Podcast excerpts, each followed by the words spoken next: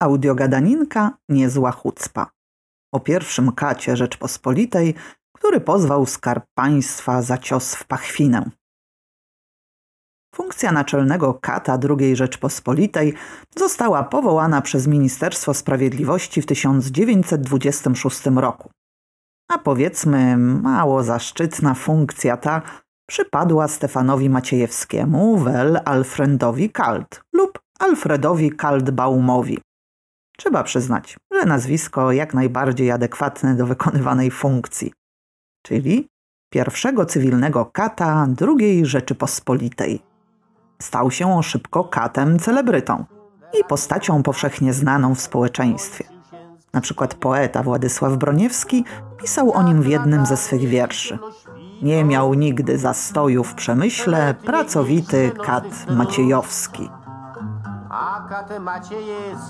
Postać naszego kata celebryty występuje również w spopularyzowanej przez Stanisława Grzesiuka piosence ulicznej Bal na Gnojnej. No, ale szeroko o poczynianiach kata rozpisywali się też dziennikarze. O goryczach zawodu kata informuje m.in. prasa z 1935 roku, a to za sprawą pozwu, jaki kat złożył przeciwko skarbowi państwa. W niezwykłej skardze sądowej adwokat Cyprian Dębowski, występujący w imieniu kata Stefana Maciejewskiego wel Alfreda Kalta przeciwko skarbowi państwa, żąda odszkodowania za uszkodzenie cielesne w związku z sensacyjnym, a nieznanym dotąd wypadkiem w czasie egzekucji. Kat Maciejewski był wezwany do wykonania wyroku śmierci przez powieszenie na osobie krwawego bandyty Antoniego Błocha. Potężnej kompleksji skazaniec zachowywał się w obliczu śmierci jak rozszalałe zwierzę. Na domiar złego urwał się z postronka i rzucił się na stojącego przy szubienicy kata, którego kopnął hmm, w krocze. Maciejewski omdlał, ale po pewnej chwili oprzytomniał i z tym silniejszą zawziętością, choć z największym trudem, wypełnił swój obowiązek. Od tej pory Pono nie domaga.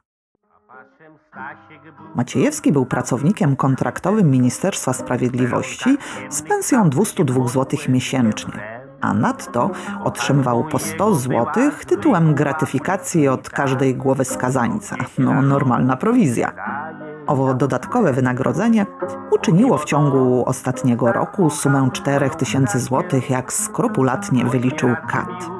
Ponadto Kat dostawał mieszkanie służbowe i w razie wyjazdu na egzekucję zwykłe diety urzędnicze, podróżując przytem na koszt skarbu państwa, jak informowała umowa.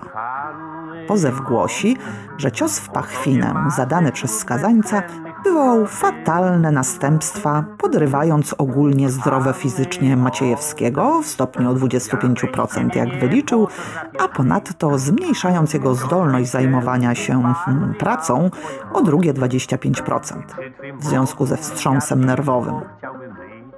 Na tym tle wynikł stały stan rozstroju nerwowego, utrudniający Maciejewskiemu funkcje zawodowe.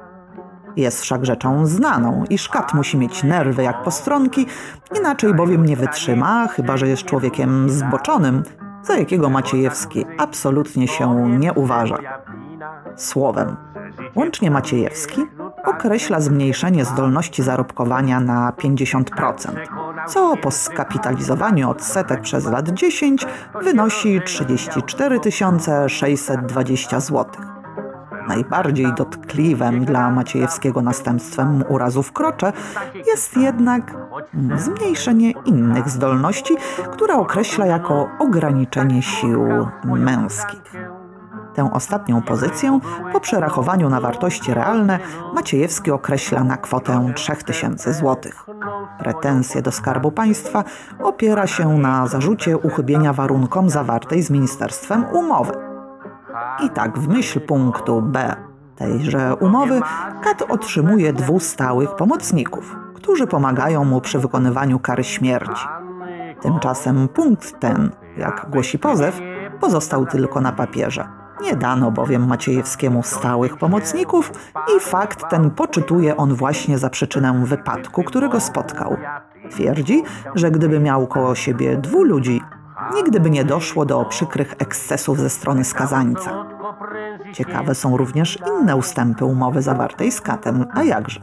W myśl na przykład punktu C musi on mieć stale przygotowany powróz i narzędzia do wykonania powieszenia, no czyli normalne narzędzia pracy, jak słupek szubieniczny, rydle, by nic nie stało na przeszkodzie dokonaniu egzekucji.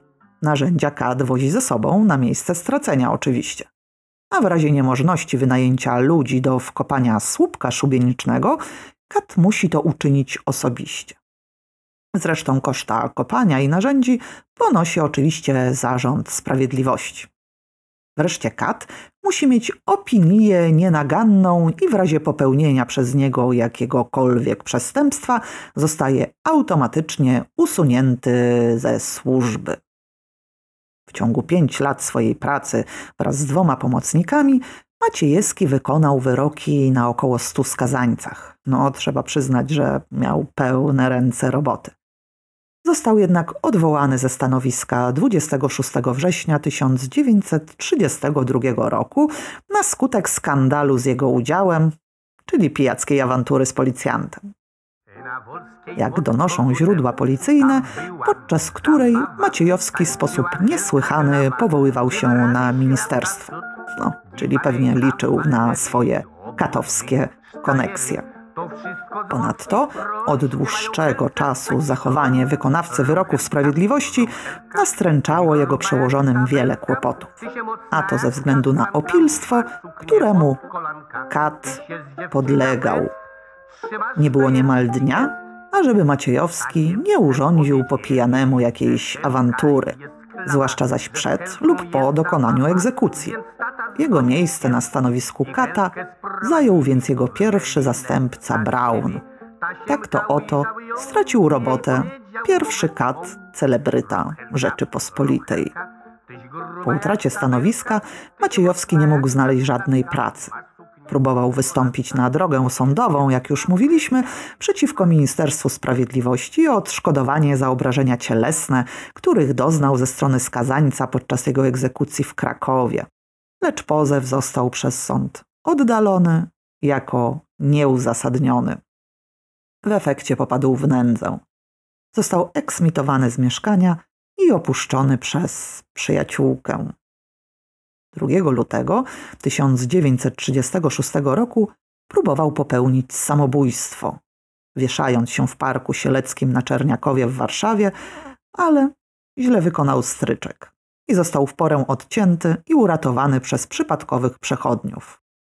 Mimo to zapowiedział, iż zamierza po raz kolejny targnąć się na swoje życie. Jak informował. Trudno. Wyszedłem już z sprawy, bo dawno nie wieszałem ale za drugim razem zrobię to sam na sobie lepiej. Hmm, nie wiemy, czy powrócił do katowskiej formy i czy ten zawodowy czyn udał mu się następnym razem, gdyż dalsze losy pierwszego kata RP niestety nie są nam znane. Zainteresowany? Znajdziesz nas na feelfreetraveler.pl Feel Free Izrael. To daraba. Słuchaj nas na YouTube, Spotify, Google Podcast i Apple Podcast. Shalom!